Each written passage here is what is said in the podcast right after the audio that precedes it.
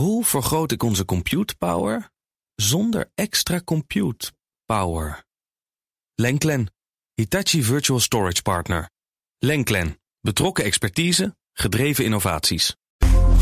BNR Digitaal wordt mede mogelijk gemaakt door Levi9 Technology Services. Partner in software, product development en digital strategy. Je kunt ons live Dat kan via de BNR-app. Daarin vind je bijvoorbeeld BNR Digitaal. Download de BNR-app en scherp. BNR Nieuwsradio. Digitaal. Joe van Buurik en Ben van der Burg. Welkom bij BNR Digitaal, de laatste van 2023, waarin we uitgebreid gaan terugblikken op twee van de belangrijkste talking points van dit hele techjaar. En natuurlijk gaat dat over AI. Daaraan wijden we de volledige tweede helft van deze show. Maar daarvoor spreken we ook over regelgeving. En vooral vanuit de EU kwam er een hoop met de Digital Services Act, de Digital Markets Act en de voorlopige AI Act. Maar eerst, Ben van den Burg, wat viel jou nou het meest op aan het techjaar 2023? Wat denk, wat denk jij? je mag geen mijn- AI zeggen. Oh, nou, maar dan is die regelgeving vind ik onwijs Ja, maar dat mag je ook niet zeggen. Dat mag ik ook niet zeggen.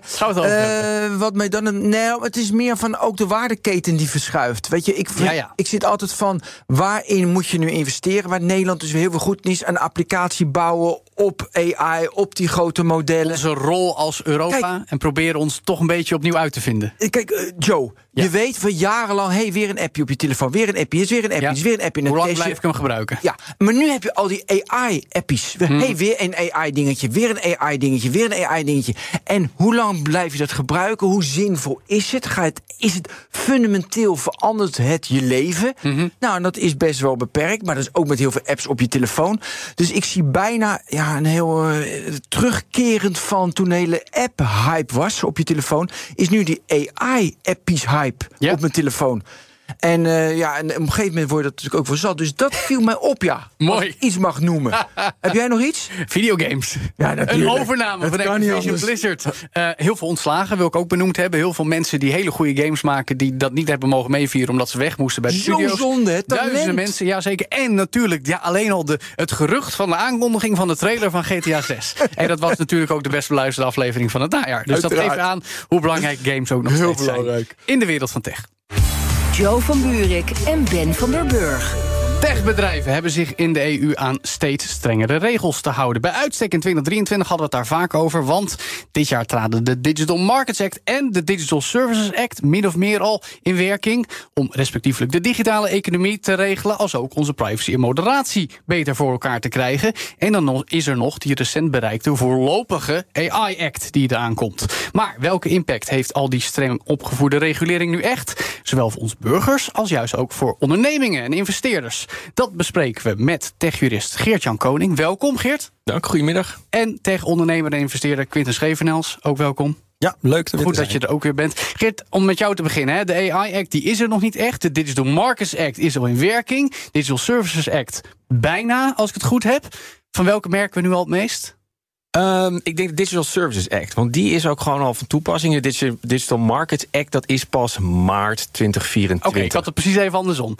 Ja, oké. Maar goed, dus eigenlijk Services zitten we nog net in die overgangsperiode... Dat we alleen nog maar heel veel horen, maar nog niet echt wat zien. Ja, dat, Twitter? Twitter? Nou, Twitter dus ook. Onderzoek. Ja, DSA. Ja. Twitter, de Europese Commissie heeft onderzoek eh, gedaan bij Twitter naar. eh, Dat is een van de eerste concrete dossiers die ontstaan zijn door die nieuwe ja, regulering. dus in de DSA staat de verplichting om iets te doen aan, eh, aan desinformatie. Nou, Mhm. Twitter bleek eh, bij, eh, bij opgave maar één Nederlands sprekende eh, persoon te hebben in het moderatieteam. Ja. Ja. dat vond de Europese Commissie kennelijk te weinig. Ja, maar oké, maar, goed, is dat dan de meest noemenswaardige casus die we nu dit jaar al hebben gezien? Of hebben we dit jaar al meer dingen gezien waarvan jij zegt, nou, dat is nou dankzij al die nieuwe D's, zou ik maar zeggen. Nou, je hebt natuurlijk wat heel veel in het nieuws is geweest. Dat is eh, het besluit van die Noorse toezichthouder. Maar dat is Ja. onder de AVG. Dat is al natuurlijk heel oud Bestaat al nieuws. heel lang. Bestaat Dat is al niet, heel niet lang. van 23 per se. Nee, maar dat was wel, dat was denk ik wel, wel het meest opmerkelijk. Ja. En de DSA, ja, dat, dat wordt nu geïmplementeerd door die techbedrijven. En ik, Nou, ik heb de DMA, dat threads later naar Ja, Europa dat Dat idee heb kwam. ik ook. Ja, Ja, daardoor. Ja, ik vind dat- DMA, ja. dat is echt, ja, is uitgesteld. dat is uitgesteld, klopt. Maar uh, inmiddels is, uh, is Threads gewoon beschikbaar. Ja, oké. ja, maar, maar dat heeft daar volgens mij wel mee te maken, toch? Dat ze dat ja, hebben zeker. uitgesteld. Ja, Ja. zeker. Maar dat, ging, dat, dat, dat zag met name op de DSA. Namelijk dat je, uh, wat heet uh, Meta, die uh, stelde verplicht... dat je via je Instagram-account moest inloggen bij Threads. Ja. En dat mocht niet. Nee, en dus hebben ze nu de mogelijkheid geboden, dat weten we, om ook zonder account in te loggen, zo- of nou, zonder account te gebruiken. Dat is dus iets wat door de DMA is afgedwongen. Nou, jee. Of, of, of is dit nog maar een druppel op de groeiende plaat? Nou ja, kijk, weet je, er is natuurlijk er zit gewoon een, een bak aan regelgeving is er gekomen en zit er aan te komen. Wat Ja. ik nog niet hoor is de, is de Data Act. Dat is een wet die in de media gek genoeg niet zo Heel heel, weinig. De Data Governance Act. Die heb je ook nog. Dat is Ook weer een nog, dat is ander. nog weer een Ja, ander. ja, dat is nog weer een ander, ja. ander. Nou, daar heeft de Raad van State onlangs van gezegd dat ze er eigenlijk niet, niet echt eh, van, van begrepen van wat het nou precies zou gaan opleveren. Maar de Data Act is wel heel interessant. Nou, noem even waarom. Nou, de Data Act, die, eh, dat is het onderdeel van de Europese datastrategie is dat er eh, soevereiniteit gaat ontstaan in Europa. Dus dat we veel minder afhankelijk zijn van die Amerikaanse techreuzen. Oké. Ja, dus en eh, om die, die datastrategie te te gaan uitvoeren, vindt Europa het belangrijk dat er één gemeenschappelijke ruimte van data komt. Ja, en de data zit nu allemaal opgeslagen bij een, een handjevol techbedrijven. Ja, vooral in Amerika op hun Klopt. servers. En als het dan echt moet op servers in Europa die soeverein zijn. Exact. En dus is het idee achter die Data Act dat alle fabrikanten van IoT-devices, dat die op verzoek van de gebruiker de data die het eh, IoT-device genereert, moeten verstrekken aan de gebruiker. En vervolgens ook aan derden als de gebruiker dat, eh, dat daarom verzoekt. Ja, ja. Oké. Maar goed, eh, eh, parkeren we die heel even. Quinten, dit is een hele berg regels bij elkaar. daar ben Jij ik bent ondernemer. en enorm fan nee, maar van. Je bent dus ook vrij goed ingevoerd, want jij weet dus ook al wat meer van beetje. dingen waar, waar we als. Oh, dat is er ook nog. Ehm, heb jij nou het idee dat het ook dit jaar allemaal echt moeilijker wordt? Want we horen dat ondernemers dit jaar heel veel zeggen. Zeker met die AI-act, het Constantijn die zich daarover uitsprak. Voel jij dat ook zo? Neem je dat waar in je netwerk? Nee, nog niet heel erg. Nee, nee het is een beetje eh mixed wat ik zie. Dus aan de ene kant zie je start-ups. Hè, dus ik zit veel bij echt wat jongere start-ups... waar vaak nieuwe ideeën, of dat bestaat 1, 2, 3 jaar... die wel heel goed denken van... oké, wat kan ik hiermee? Is die data niet opgeslagen? Biedt dit mij kansen zeg maar, om een soort eh, oplossing te verzinnen? Noem maar op. En aan de andere kant ook wel angst van... oké, wacht even, wat voor regelgeving krijg ik nu over me heen? Welke dingen moet ik gaan bijhouden?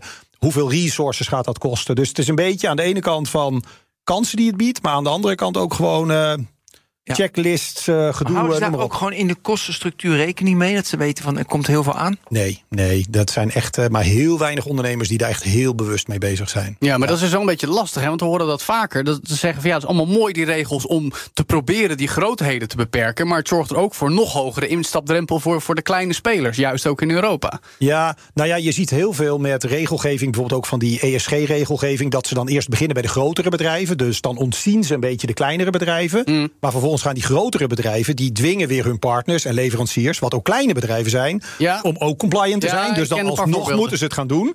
Dus ik vermoed eerlijk gezegd dat ook met een aantal van die digital acts, dat je dit ook gaat krijgen. Ja. Is dit nou Ehm. een, een, een voorbeeld van unintended consequences, Geert? Dat, dat, dat eigenlijk de EU zich dus ook een klein beetje in de eigen Europese kleine bedrijfjes voet heeft geschoten in een poging om grote Ja, is- Amerikanen te ja, d- dat, dat, is, dat is de vraag. Kijk, je- eh, af en toe heb ik ook wel eens het idee dat de Europese Unie zich naar de digitale top probeert te reguleren in plaats te innoveren. Ja, meer financiële stimulans, minder alleen maar beperkingen. Ja, precies. En je hebt de, die lobbyclub eh, Digital Europe, waar, waar alle grote techbedrijven in zitten. En die, eh, die gaven in een verklaring over de, de, de data of de AI Act al aan. Dat eh, haar leden al het innovatiebudget nu moeten gaan besteden aan advocaten. in plaats van het aannemen van AI-specialisten. Dat is natuurlijk een beetje flauwekul. Maar op zichzelf gezien is het. Ja, eh, het, Maar waar zie jij, want de EU zegt dat het van nee, we, we stimuleren ook innovatie. Door onze regelgeving is het lekker helder wat je wel en niet mag. En, mag. en als je bijvoorbeeld zegt alle data met de Data Act moet in Europa staan. Nou, dan ziet de ondernemer Quinten gelijk, hé, hey, mogelijkheden, want anders gaat het ergens anders naartoe. Mogelijkheden. Ja. Hoe zie jij die verhouding? Ja, ik denk, de, de, de regelgeving valt in, in twee stukken uiteen. Aan de ene kant heb je meer de symptoombestrijding. Dus zeg maar oneerlijke handelspraktijken die die grote techreuzen konden, eh, konden hebben. Omdat ze nou eenmaal eh, richting oligopolie een monopolist zijn. Dus dat probeert de Europese Unie te beperken. Aan de andere kant zie je ook regels die veel meer eh, bedoeld zijn om die marktstructuur echt te wijzigen. Dus eh, eh, verplicht data delen. eh, het makkelijker maken om van cloud provider over te stappen. Dat zijn meer waarborgen bij, bij, bij, bij overnames. Dus als als, als een En wat zijn de consequenties als je de markt wil reguleren? Heb je daar in de geschiedenis voorbeelden van dat het totaal misging of juist heel goed ging? Ja, kijk, de, de, de, vraag die ik een beetje heb. Kijk, in Amerika heb je veel lichtere vorm van regulering. Dus daar wordt die techreuze eigenlijk geen strobreed in de, in de, in de, in de weg gelegd. Ja, eerst doen en dan kijken of het goed is. Exact. En het vervolgens ook lang aankijken. Ja. In Europa is nu het tegenovergestelde aan, aan de gang. Ik moest ook denken aan Gaia X. Dat was in 2019 dat initiatief in de Ja. Europese Unie. Dat moest onze cloud-infrastructuur worden, dat is eigenlijk Precies. Dat is natuurlijk helemaal, helemaal geflopt. Want als je met elkaar heel lang gaat hebben over frameworks en normen en waarden, dan gaat daar niet een onderneming uit onder, eh, ontstaan. Ja. Even een concreet voorbeeld. Kijk Clinton als eerste aan. De Digital Markets Act. Hè, die moet ook juist die grote digitale winkels openbreken. Dan hebben we het over Amazon. Dan hebben we het ook over de appwinkels van Apple en Google. Ja, nou, er ja. komt van alles aan. Ook vanuit de Digital Services Act. In het nieuwe jaar van nou laat maar zien dat jullie ons veilig houden. eh, omdat je 30% commissie krijgt steeds. Maar goed, als we ervan uitgaan dat die Digital Markets Act dat gaat openbreken. dan moet dat toch allerlei kansen geven voor juist een heleboel MKB'ers. Om te zeggen, hey, eindelijk kunnen we meer meedoen in die digitale economie. ja, dat denk ik ook. Dat wordt, denk dat, ik ook. wordt dat ook al volop Ja, ja, ja. Nee, Daar, zie je, daar heb je ook wel voorbeelden van. En wat je dus ook ziet, is dat dat ook betekent dat bijvoorbeeld die, eh, ja, je zou het bijna cross-selling noemen, wat die grote Amerikaanse reuzen doen, die natuurlijk op verschillende borden tegelijkertijd schaken. Ja. En zichzelf dan wat voordeel geven, hè, waardoor je van de een naar de ander gaat. Nou, zie dat Instagram naar threads, dat soort dingen. Ja, dat Als je dat natuurlijk veel minder mag doen, dan geef je wel ruimte aan andere partijen om op een eerlijker speelveld te komen. Ja. ik denk dat dat, eh, dat is hartstikke eerlijk en goed dat dat gebeurt. Maar merk je ook, eh, in ieder geval als we kijken naar wat je dit jaar allemaal hebt langs zien komen aan pitchdecks en, en gesprekken op borrels, dat mensen daar echt wel op aan het inzetten zijn? Of zijn ze nog een beetje, nou, we moeten nog maar zien of die regels dat echt allemaal gaan Ja, Want we horen wel af en toe partijen die hebben al een, een, een appwinkel prototype draaien voor zodra het groen licht gegeven wordt om op Android en iOS eh, apps mm, aan te bieden. Nee, dat, dat niet zozeer. Wat ik wel, maar goed, dat is misschien een wat andere insteek. Wat ik wel interessant vind. Dus eh, wat je heel vaak zoekt bij nieuwe ideeën, is Mhm. dat er moet een soort urgentie zijn bij klanten, gebruikers, om dat te gaan gebruiken. Welk probleem lost het op? Welk probleem lost het op? En staat er ergens een klok te tikken dat je het op een bepaalde datum geregeld moet hebben? En dat Ja. is dus als jij. die bijvoorbeeld- regelgeving heb je Ja, dat, ja. en dat is natuurlijk voor start-ups kan dat ontzettend fijn zijn. Want als jij een hele mooie oplossing hebt bedacht voor nou ja, het probleem dat weer even terug naar dat ESG, dat ieder bedrijf eh, moet gaan bijhouden hoe mensen naar kantoor komen met de auto, de fiets of weet ik veel. wat. En jij hebt daar tooling voor ontwikkeld. Dan is het opeens heel interessant, want het is geen nice-to-have tool meer. Ja. Maar vanuit wetgeving, vanuit Europa, Ja. wordt er iets opgelegd met boetes. Men moet het implementeren, of je het leuk vindt of niet. In het jaarverslag moet je erover gaan Dan rapporteren. kapitaliseer je op iets wat vanuit regelgeving moet gebeuren. Ja, en dat, vind ik dan. Dus dat is eigenlijk een wat andere invalshoek. Ja, maar ja. dat vind ik zelf wel heel interessant. Om eigenlijk te kijken naar nieuwe ideeën. Van in hoeverre bied jij nou een oplossing voor een probleem dat bij anderen ontstaat.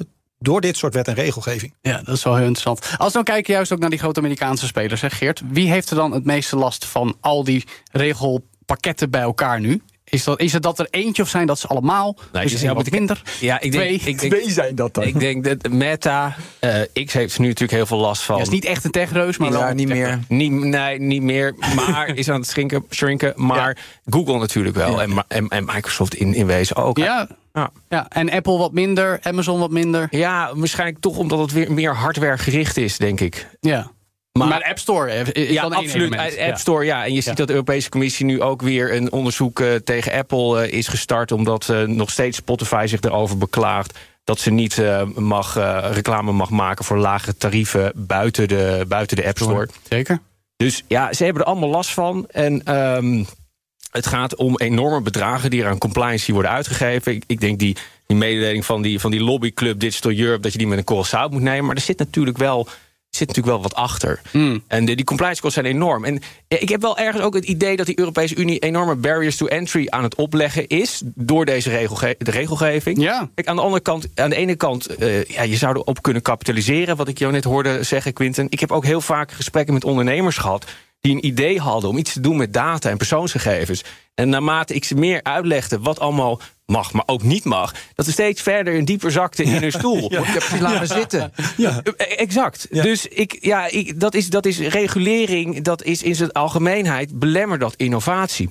Hoe agressief zijn ze hier in Europa? Want ik heb wel eens het idee dat in Amerika, joh, die ondernemers die doen dat gewoon en we, dan, dan maar een rechtszaak. Eerst Hier- kapot maken, dan zien wat we moeten fixen. Ja. Maar ik, wat ik in mijn omgeving, het is vrij angstig. Dan Ja. denk ik altijd van, Ja. kom op, knal er even Ja, in. nee, best wel voorzichtig. Ja. ja, voor boetes. En dan als je met investeerders zit, dan. Die Amerikaanse investeerders zijn veel meer van. Oh, kansen gaan we doen en we zien wel wat er gebeurt. En ik heb Ja. ook het idee dat. In ieder geval Nederlandse, misschien ook wel Europese investeerders daar toch ook wel wat voorzichtiger zijn. Ja. denk ik wel. Dus daar, ja, dat is misschien ook wel de reden dat als je kijkt naar die lijstjes, ik geloof er staat één Europees bedrijf tussen, Ja. Zalando, Ja, notabene. en de rest is vooral Amerikaans en Ja. eh, eh, TikTok.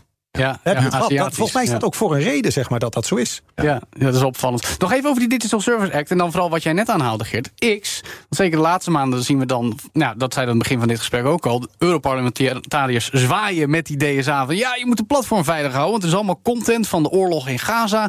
Dat mag allemaal niet. Nee.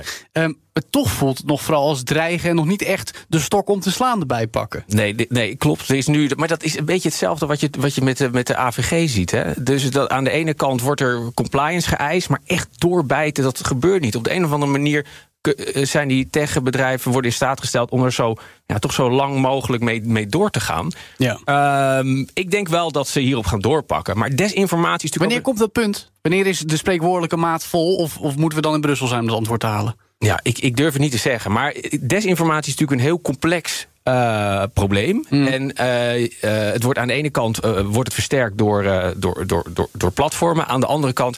Het eh, de vrijheid van meningsuiting is natuurlijk ook een heel groot goed. En desinformatie is geen illegale informatie. Dus Nog het steeds is- niet? Nee, het is, Ondanks alle wetten die er ja, nu bij het, komen? het valt gewoon onder de vrijheid van meningsuiting. En Maar terwijl elke Europarlementariër zegt... we moeten iets doen tegen desinformatie. Absoluut, ze er geen grip op. Nee, omdat er natuurlijk schadelijke effecten zijn. Maar aan de andere kant ehm, moet het de burgers natuurlijk gewoon toegestaan zijn om te zeggen wat ze vinden.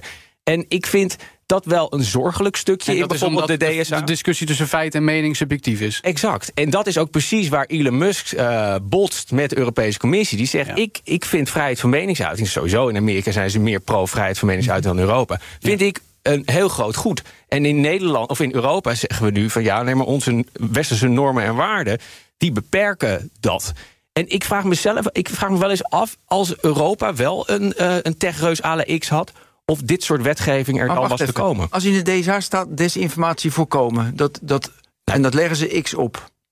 En er, staat dat, er staat dat ze maatregelen moeten nemen om, zich, Ja. de, om de risico's van desinformatie te beperken. Maar dat is natuurlijk mega vaag. Ja. En je kan natuurlijk, en de Europese Commissie is natuurlijk wel op een fine line aan het lopen. Want dus er komt al snel een soort censuurluchtje Ja, aan. en dat willen ze dan ook weer niet. Ja, het- het- de Europese Commissie kan niet zeggen: dit is desinformatie, dit moet je van je service houden. Die kan alleen in algemene zin zeggen: van we hebben het idee dat er te veel desinformatie is. Je hebt maar één eh Nederlands sprekende persoon in het moderatieteam zitten. Ja. Je beperkt dat onvoldoende. Maar ik vind bijna, en dat vind ik eh, lastig. Dus als je eh, heel veel over die wetgeving leest, dan krijg je het idee dat er misschien vanuit de EU zelfs iets van visie is op dit soort onderwerpen. Toch wel. Ja? Ja, Ja. dat denk ik zo. Dat is best wel mooi. Maar die visie, als je die gaat doorvertalen in wetgeving, regels, ook daadwerkelijk toepassen daarvan, dan wordt het heel erg Heel ingewikkeld. lastig. En vooral op het stuk desinformatie is wel belangrijk. Dat, kijk, Europa heeft veel verstand van het ordenen van de markt. En van eh, de interne markt, zeg maar, veiligstellen. Maar er zit relatief weinig kennis of ervaring. eh, voor wat betreft eh, nou, het stellen van regels met betrekking tot het democratisch debat.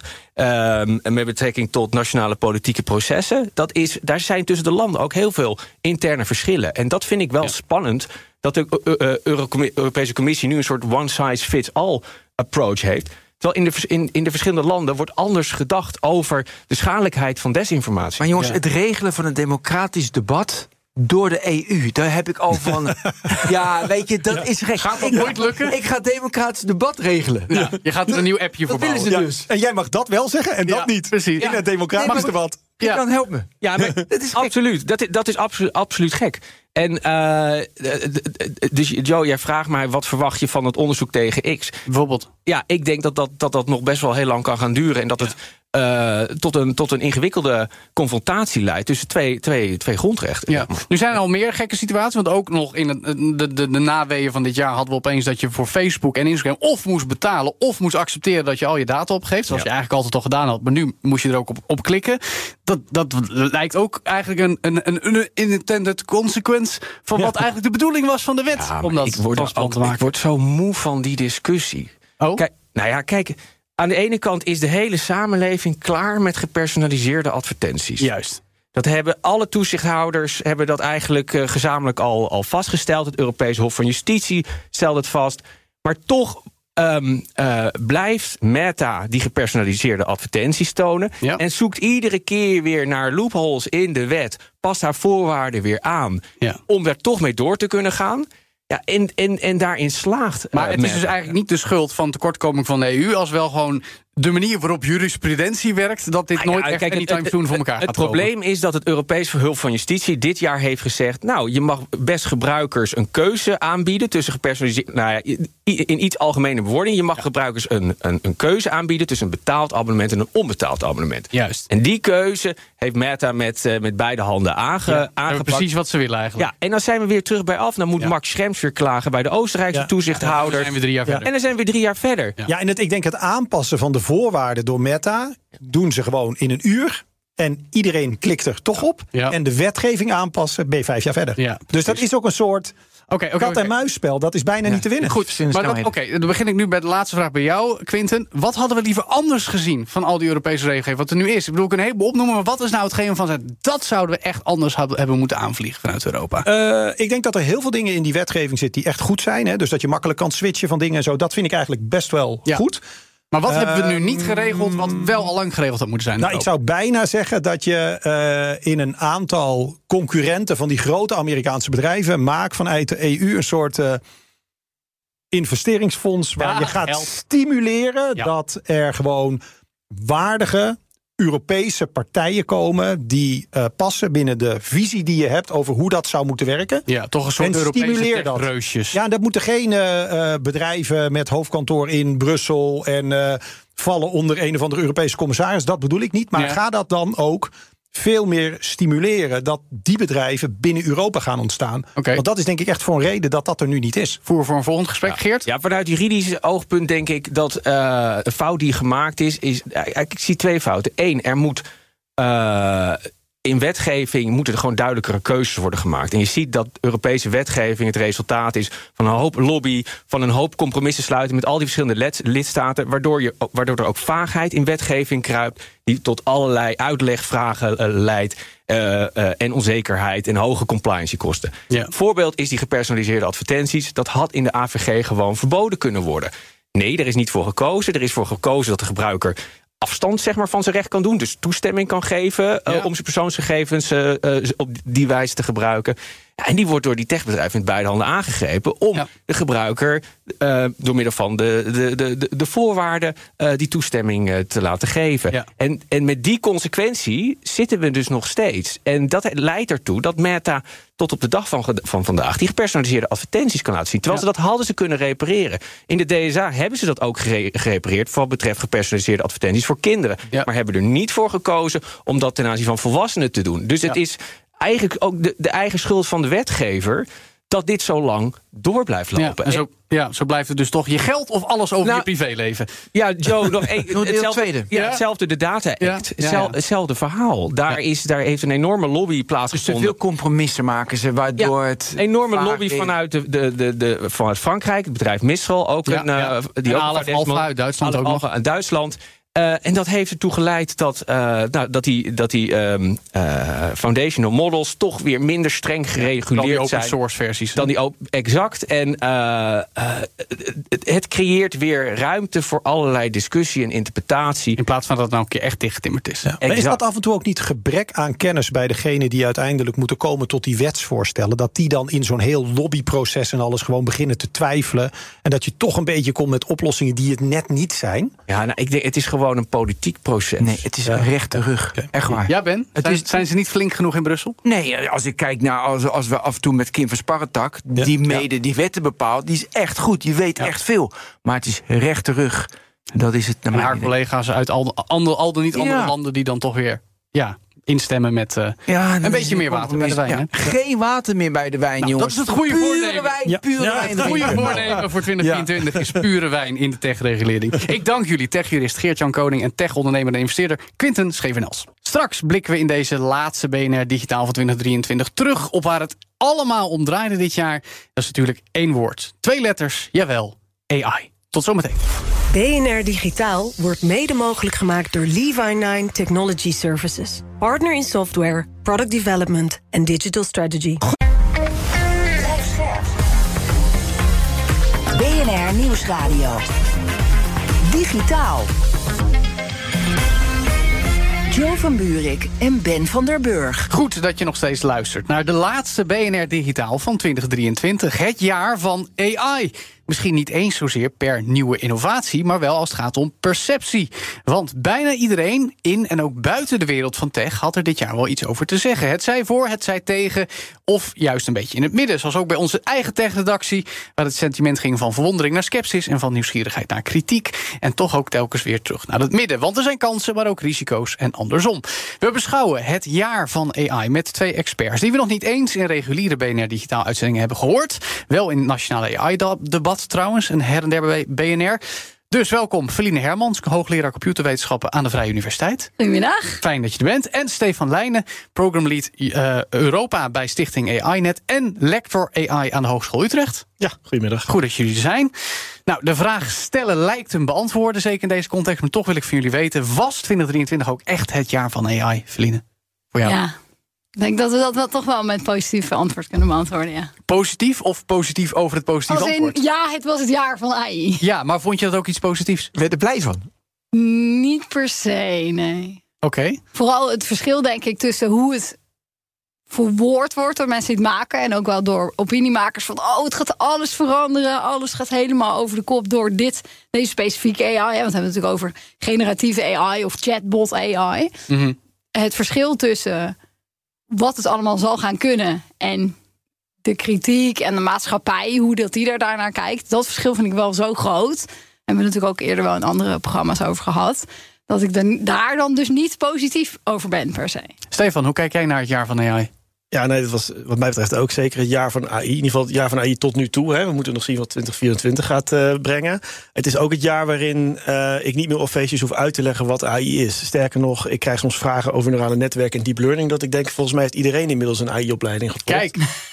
Dat is wel interessant. Dat is uh, heel interessant. Maakt, maakt het werk van Feline en mij ook soms wat lastiger. Want uh, je moet, je moet best complexe vragen beantwoorden. En ik denk dat dat op zich een goede zaak is. Ik Ja. bedoel, AI is, of je nou uh, voor of tegen bent... of de nadruk legt op kans of risico's. AI is er. AI is een systeemtechnologie. Die nou, ver, eh, verwachten allemaal dat die steeds groter en belangrijker gaat worden. Dus we kunnen maar beter goed op de hoogte zijn... van hoe die technologie werkt en wat voor impact die zal hebben. Ja, ik vraag me even, omdat ik jullie al hoor zeggen... zeggen we nou AI of AI met elkaar? Of zeggen we het maar gewoon allemaal door elkaar? Ja, als ik het dan in het Nederlands zou zeggen, zou ik eerder KI zeggen. KI, Kunstmatige oh intelligentie. Ook nog, ik vind ja, klopt. AI in het Nederlands zeggen ook weer een beetje raar. Maar ja, Nee. soms zit je natuurlijk in het Nederlands in het. Nederlands. Maar Daar zijn we dus ook nog steeds helemaal over uit. Maar goed, eh, de- wat jij net zegt, Steven, dat is inderdaad wat ik zelf ook heel erg voel. Dat ehm, het, het is misschien wel voor het eerst ben dat er een technologische innovatie is gekomen. Waar vanaf het moment dat het de hype werd, want dat is het de afgelopen 18 maanden geworden, zou ik wel zeggen. Iedereen er ook gelijk over ging meepraten en zich erin inwijden. Weet je, de artikelen over las, dingen over hoorde, dingen over zag. Er een maatschappelijk debat gevoerd wordt over een nieuw technologisch fenomeen. Ja, wat je normaal gesproken dan heb je het gebruik en minder het debat. En nu heb je het debat. Steven, hoe kwam dat debat volgens jou?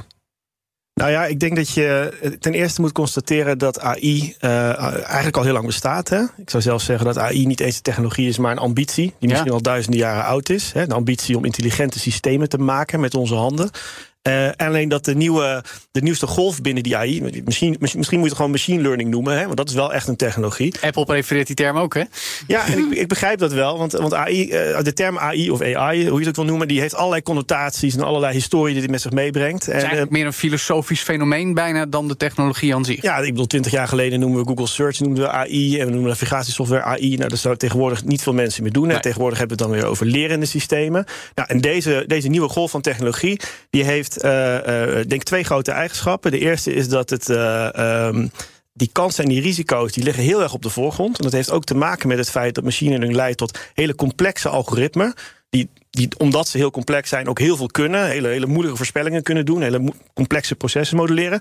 Maar ook omdat ze zo complex zijn, moeilijk te begrijpen zijn. En dat appelleert aan ons voorstellingsvermogen. We denken, god, dat, Ehm, dat is interessant, dat kunnen we niet begrijpen, daar willen we meer van weten. En ik denk een tweede ontwikkeling is dat het ook echt eh, bij de mensen thuis is geland. Dat is eigenlijk de grote. de grote Ja, eigenlijk al met ChatGPT hè, aan het einde van 2022. ja, dat hebben ze heel slim gedaan. Ja. Eigenlijk, het is, ik bedoel, dat, dat taalmodel is één, hè, dat ze dat hebben kunnen ontwikkelen. Maar goed, dat had eh, Google ook wel op de plank liggen. Alleen Hmm. kwamen we niet mee naar buiten. Nee, dat hebben we het hele jaar gevolgd inderdaad. Precies, hè? maar het feit dat zij zo'n toegankelijke interface hebben gebouwd... en ook echt hebben geïnvesteerd in die interface... met bepaalde technieken om die ja, gebruik, eh, gebruiksvriendelijker te maken... Eh, reinforcement learning with human feedback is dan zo'n term die dan naar voren komt. Hè? Dat is de technische term. Juist door dat soort slimme trucs hebben ze er- ervoor gezorgd dat iedereen opeens met die tools kan gaan werken. En ook beseft ja, wat het, de enorme potentie is van die tools. Ja. En dat, dat is denk ik wel iets wat, wat nieuw is. Ja, dus ook in een hele korte tijd al de democratisering van de technologie erachter, zeg maar. Ja, en dit bij, de, bij, bij mensen. Terwijl Ja. eh, de normale technologie heeft als eerste land natuurlijk bij bedrijven, die gaan daarmee werken. En Ja. dan heb je dat, nou, dat proces, dat, dat, dat speelt ook. Klopt. Maar dat slaan we bijna over. Maar dat is interessant, want eh, Verlien, in onze tech-podcast Nexus... horen we jou aan het begin van het kalenderjaar 2023 nog zeggen... verbieden die handel. Echt mee. Spijt. Vind je dat Nee, nog zeker niet. Nee, het, doet alleen, het doet alleen maar kwaad. Oh. En dus de taken die ermee opgelost worden, welke problemen. Als we het hebben over ChatGPT, hè, niet over AI in het algemeen. Nee, oké, goed, laten En we dus dat ik- even onderscheiden. Ja, aan de overkant wordt gezegd, ja, het is slimme technologie. Ik noem dat Hè, dus zijn mensen echt voor hele lage lonen heel erg zwaar belast met die algoritmes trainen, Mhm. waar weinig over gepraat wordt. En ook, ja, het is een slimme interface. Nee, de interface is juist zo gemaakt om te misleiden. En ChatGPT zegt. Ik weet het niet, sorry, ik maak een foutje. Dat is echt een designkeuze waarmee ze zoveel mogelijk proberen te benadrukken dat het kan denken. Je had je ook kunnen voorstellen dat ChatGPT zou zeggen: eh, het internet vindt. Of ik, het kan samengevat worden als. Maar dat ik, dat geeft meer de misleiding van de technologie. En als je dan dus zegt: Nou, heeft dat nut? Nee, want dat gaat dat debat wat we wel hebben alleen maar vervuilen. Ik krijg ook heel veel vragen op feestjes, maar die vragen zijn dan altijd: oh, kan het denken? En als je de term machine learning gebruikt, dan denken mensen weer: ja, maar het zijn zelflerende systemen en ze kunnen denken. Dus je moet steeds maar weer uitleggen: nee, het kan niet denken. Of Goh, als jij zegt dat het kan, wat, wat is eigenlijk denken voor jou? Wat betekent dat? En dan heb, moet je heel veel werk doen, niet zozeer technisch werk, maar filosofisch werk, waar wij Ja. techneuten misschien helemaal niet zo goed voor gekwalificeerd zijn om uit te leggen dat het toch niet kan denken. En dan voor welke winst? Ja. En wat hebben we eraan? Nou, dan kunnen we misschien makkelijker eh vlot een nieuwsbriefje schrijven of een plaatje genereren. En dan hebben we nog niet eens over de impact op het milieu gehad. Over een paar jaar gaat het net zoveel energie Ja, kosten als ben- Nederland. Je kijkt heel moeilijk. En wat nee. levert het op dan? Oké, wa- wat het oplevert, dat, we, dat wij mensen die wel kunnen denken, want zij kunnen, we- nou, wij kunnen creatiever worden, we kunnen brainstormen, we kunnen eh, met strategisch advies, als ik een onderwerp echt wil verdiepen, dan kan ik veel diepere vragen stellen aan mijn generatieve AI dan dat ik aan Google vraag. Heb ik het sneller gevonden? Het is een heel ingewikkeld artikel wat veel te lang is. Vind ik het prettig op mijn niveau om even een samenvatting te krijgen. Ja, en zo kan ik nog heel lang doorgaan wat het nu al in de samenleving toevoegt aan extra kennis, aan extra creativiteit, die je normaal gesproken zonder generatieve AI niet had gehad. Dus ja, ik vind het veel te ver gaan dat het nu verboden moeten worden. Daardoor hou je echt heel veel schoonheid en ja, maar schoonheid dat is en misschien ook niet in vraag. Het gaat er meer om hoe, hoe kijken we ernaar, hoe praten we erover. De- de- Jouw, jouw pleidooi is helder, vrienden, die hebben we ook vaak gehoord. En dat is natuurlijk interessant in het debat. Stefan, dat in ogenschouw nemend, en het feit ook jouw rol als en lector en, en, en andere belangen in de AI, dat, dat is wel een compleet plaatje waar we het iedere keer dan weer over hebben met elkaar. Ja, we moeten denk ik ook niet vergeten dat we aan het begin staan van die hele ontwikkeling. Hè. Het is een beetje alsof je in de jaren negentig vraagt van wat wordt de, de, de impact van het internet. En kijk, de, het is een goed punt. Hè. Designkeuzes die door OpenAI zijn gemaakt. Ik ben ben het daarmee eens. Maar we moeten niet vergeten, dit is een implementatie, een instantie van AI. En er gaan er nog duizenden komen. En daar hebben we nog wel allerlei keuzes in te maken. En de grote vraag, wat mij betreft, is: welke keuzes gaan we daarin maken? En dan kun je het hebben over eh, eh, eh, wie behartigt de belangen van de publieke zaak, bijvoorbeeld. Hè? Eh, maar ook hoe zorgen we ervoor dat we in Europa, Nederland, ik denk dat we het eigenlijk beter over Europa kunnen hebben, want de Nederlandse hebben best klein, in Europa een positie kunnen innemen. Nou, en dat, dat is denk ik één ontwikkeling die we het afgelopen jaar hebben gezien. De macht van de, de grote partijen hè, die, we, die we kennen, de Google, Microsoft, De techreuzen. Meta, et cetera, de techreuzen, eh, die, die, die kan wel eens overschat zijn eh, in de AI.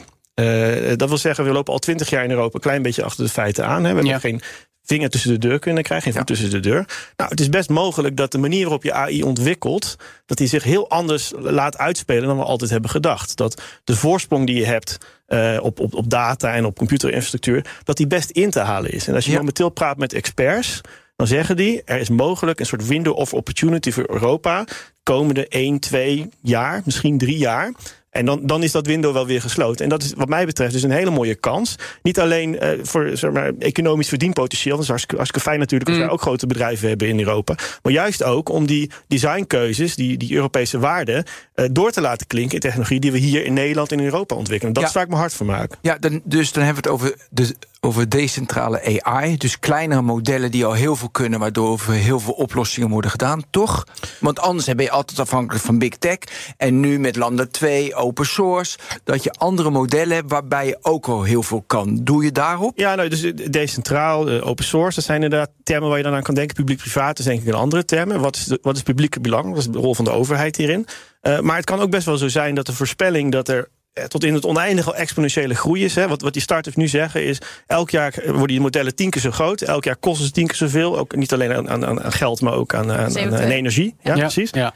Maar en, en, en elk jaar gaan we daarmee een nieuwe emergente functionaliteit zien. Zoals afgelopen jaar taal en volgend jaar misschien robotica of iets anders. Nou, dat is natuurlijk eindig. Op een gegeven moment gaat dat, gaat dat, dat is een S-curve. Nou, wat is het moment voor Europa om daarin te stappen? Hopelijk niet aan het eind. Ik denk dat we daar eerder in moeten stappen.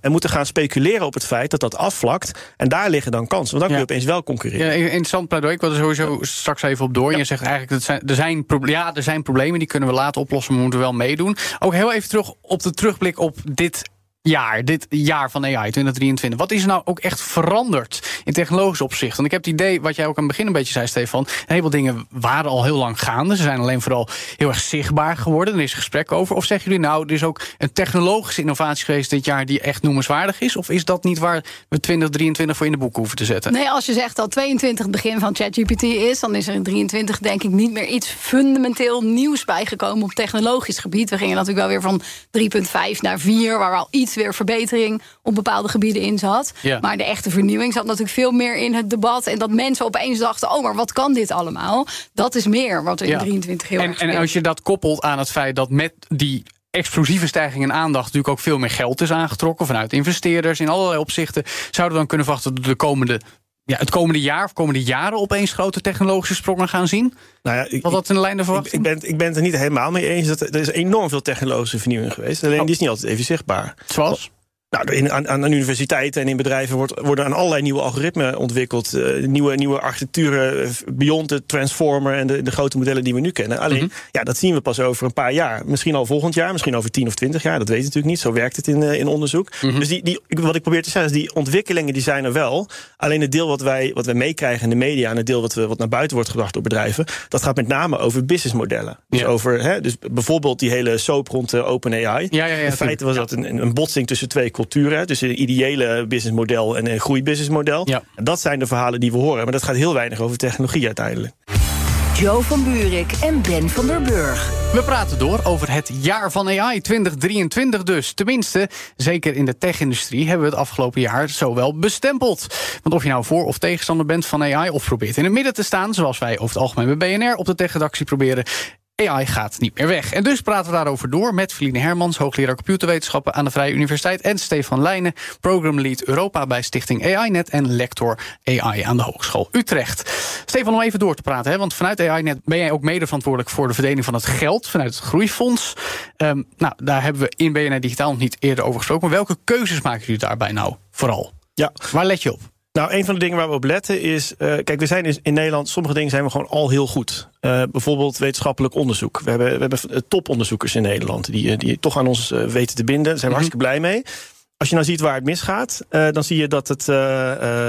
dat, dat in het MKB, de digitale transitie, hè, wordt er wel AI voldoende geadopteerd zijn we in staat om, om start-ups uh, te laten uitgroeien die kunnen concurreren met bedrijven buiten Europa? Mm weten we wel voldoende talent op te leiden en, en, en hier te houden? Dat zijn zeg maar de, de grote vragen. Ja. En daar heb je ook investeringen in wetenschap voor nodig, maar ook investeringen uh, om, om die wetenschappelijke uh, vindingen, om die nieuwe doorbraken, die technologische innovaties waar we het over hadden, om die ja, te vermarkten. En er tegelijkertijd voor te zorgen dat we dat dus op een manier doen waar we als samenleving ook blij van worden. Ja, ja maar, Ik zie Ja. ja. Ja, eens. Ja, dus het is ja, zeker. Het is belangrijk om te investeren in wetenschappelijk onderzoek. Maar dat moet dan wel op heel veel verschillende gebieden zijn. Ja. En dat zeg ik ook als informaticus. Niet alleen maar meer algoritmes, maar ook wat doet dit met mensen? En onderzoek naar wat is de perceptie van mensen van wat een machine wel en niet kan. En ook wel, hoe zorgen we dat we mensen opleiden, zodat ze goed begrijpen. Bij- Bijvoorbeeld MKB die, zo, die AI moet gaan adopteren. Of overheden die dat moeten gaan doen. Hoe zorgen we dat we mensen meenemen in begrijpen waar de limitaties en, en waar de mogelijkheden zitten. Ja. Natuurlijk zijn er wat Ben ook wel zegt, mogelijkheden waar die algoritmes kunnen helpen. Ja. Maar je moet heel goed begrijpen als leek, als niet-informaticus, wat mag ik wel en niet verwachten. En dat is echt een paradigm shift in hoe mensen moeten gaan denken over computers. Ja. Want we zijn gewend dat als je drie keer drie intoetst op de computer, dan doet hij negen. Ja, en als ik een groter getal invoer, dan rekent hij dat altijd goed uit. Ja. En iedereen moet nu een shift maken in denken wat ik erin stop. Ik kan een foutje maken wat ik erin stop, maar er komt altijd hetzelfde uit. En er Ja. komt iets uit wat klopt. En niet natuurlijk met software die wetenschappers gebruiken, maar met software die gewone mensen gebruiken. Ja. Dat waren altijd deterministische systemen. Ja, dus En nu wordt dat statistisch. En dat is heel moeilijk. Eh, nadenken van, ja, dit is 99% van de tijd goed... maar 1% hartstikke fout. Of hoe dat die percentages ook Ja, liggen. Dat is super moeilijk. En daar zit echt, eh, daar denk ik dat het onderzoek plaats moet vinden. Hoe communiceer je over die algoritmes? Ja. Hoe rol je dat uit? Hoe hou je zicht erop of dat wel of niet goed performt? Niet zomaar even een steekproefje wat je vroeger misschien deed. Oh, kijk, Ja, deze zijn ja. allemaal goed. Oeps, Ja. heb ik de fouten gemist. Maar Feline, ik vind dat we dan veel te weinig het onderscheid maken tussen dat deterministische en dat learning. Dus dat het niet altijd precies is.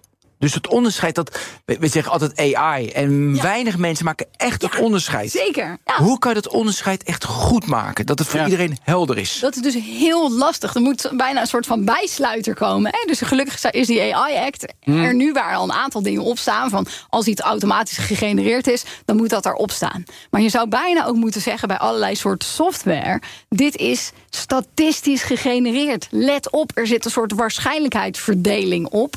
En je moet daar mensen over blijven opleiden. En dat is gewoon heel erg ingewikkeld. Ja, maar Ja. ik denk dat we al woorden missen. Want voor mij is Ja. het generatieve AI is, direct van oké, het, kan, het kan een beetje afwijken. Ja. Of het is, en ik heb juist statistisch, oké, dan is het precies uitgerekend. En jij gebruikt statistisch nu al anders. Ja, ik zou De- zeggen, dus het is een statistisch model. Namelijk het gebruikt kans. Maar hoe noem je dan? Oké, we kunnen het dus generatieve AI noemen. Hoe, hoe noem jij dan dat, dat rekenen AI, het oude AI, zoals jij het? Ja, dus ik zou dat deterministisch noemen. Want dat Deterministisch. betekent dat er altijd hetzelfde uitkomt. En non-deterministisch, dat helpt misschien niet als term. Maar dat betekent, zo zou je generatieve AI goed kunnen Precies. noemen. Non-deterministisch. Er komt namelijk niet altijd gegarandeerd hetzelfde uit. Maar laten we dat dan echt aanhouden. kunnen Deterministisch. we, kunnen we dat en doen, Stefan, op deze manier? Ja, ik bedoel, ja, termen die ik gebruik zijn geautomatiseerde logica en geautomatiseerde statistiek. Ja. Zeg maar. En ik denk dat we beide nodig gaan hebben, ook Ja, voor de duidelijkheid. Hè? Want we hebben het nu in generatieve AI vaak over die geautomatiseerde statistiek, wat machine learning eigenlijk is.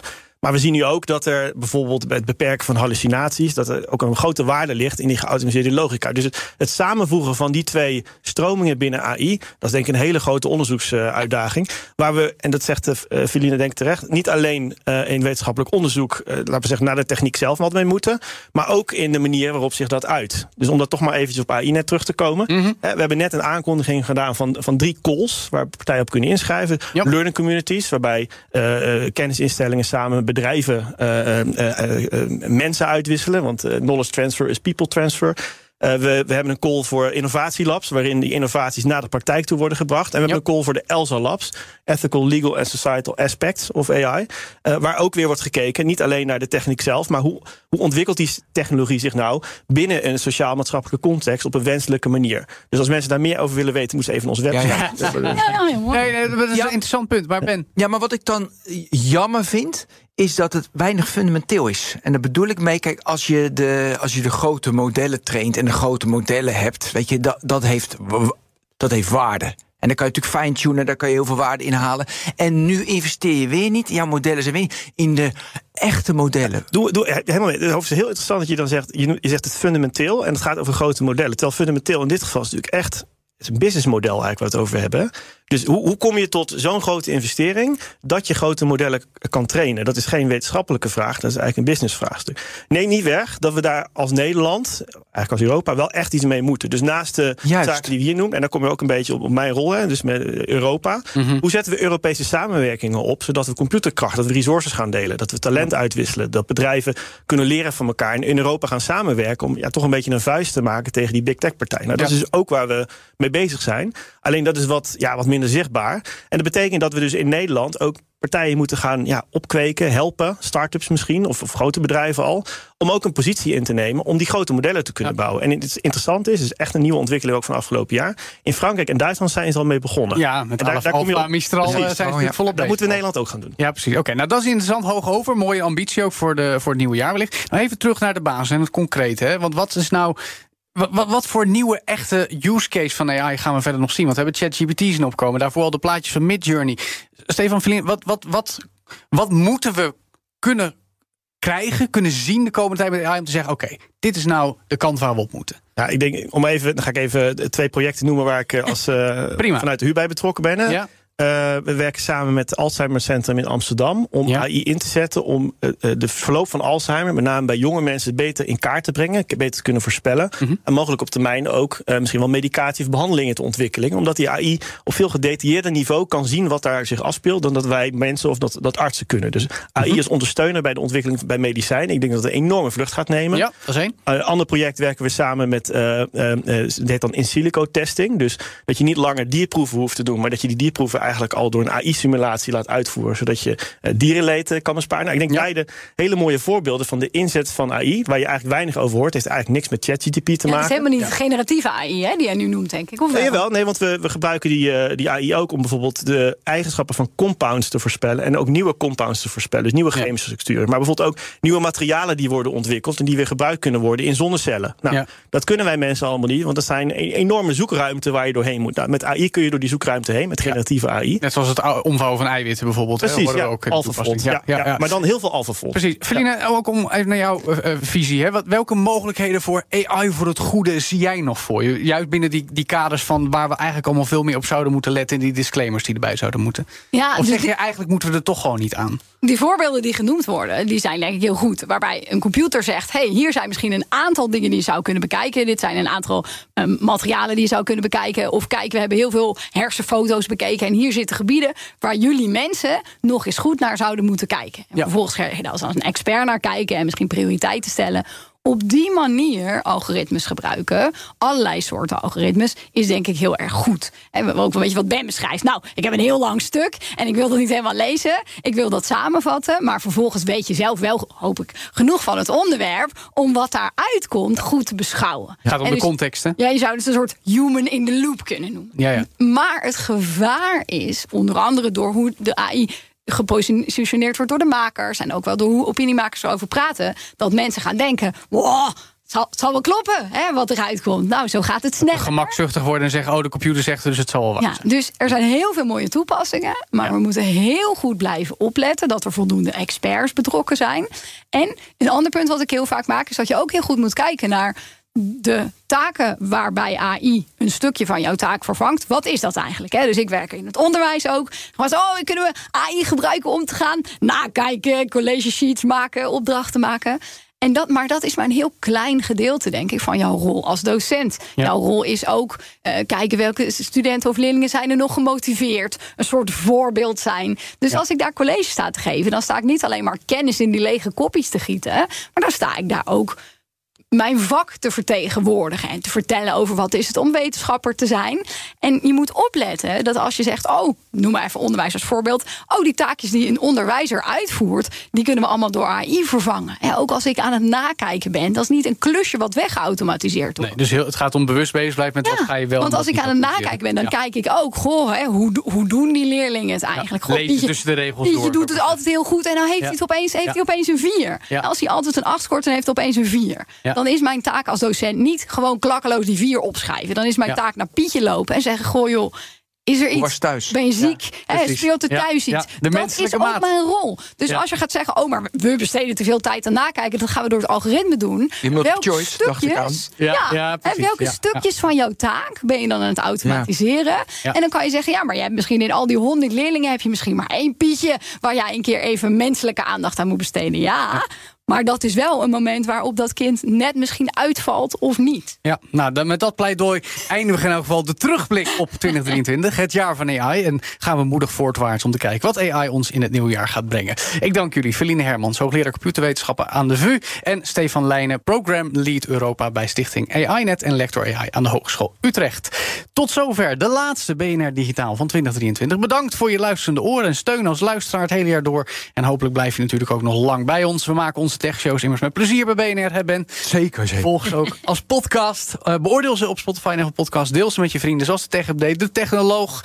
Ben, eh, allerlei eindejaarspecials. Eindejaarsspecials van jou. Herbert en Ben. Ja, dat was een groot feest. Geweldig. Was het. Nou, genieten nu dus juist ook in de kerstvakantie. En natuurlijk ook BNR Digitaal. Volgende week, volgend jaar moet ik zeggen, komende woensdag in 2024 weer een nieuwe editie. En dan blikken we vooruit op twee ontwikkelingen in tech die het nieuwe jaar gaan bepalen. Denken wij tenminste. Dus zeg ik namens onze hele tech-redactie tot volgend jaar. Tot volgende week. Dag.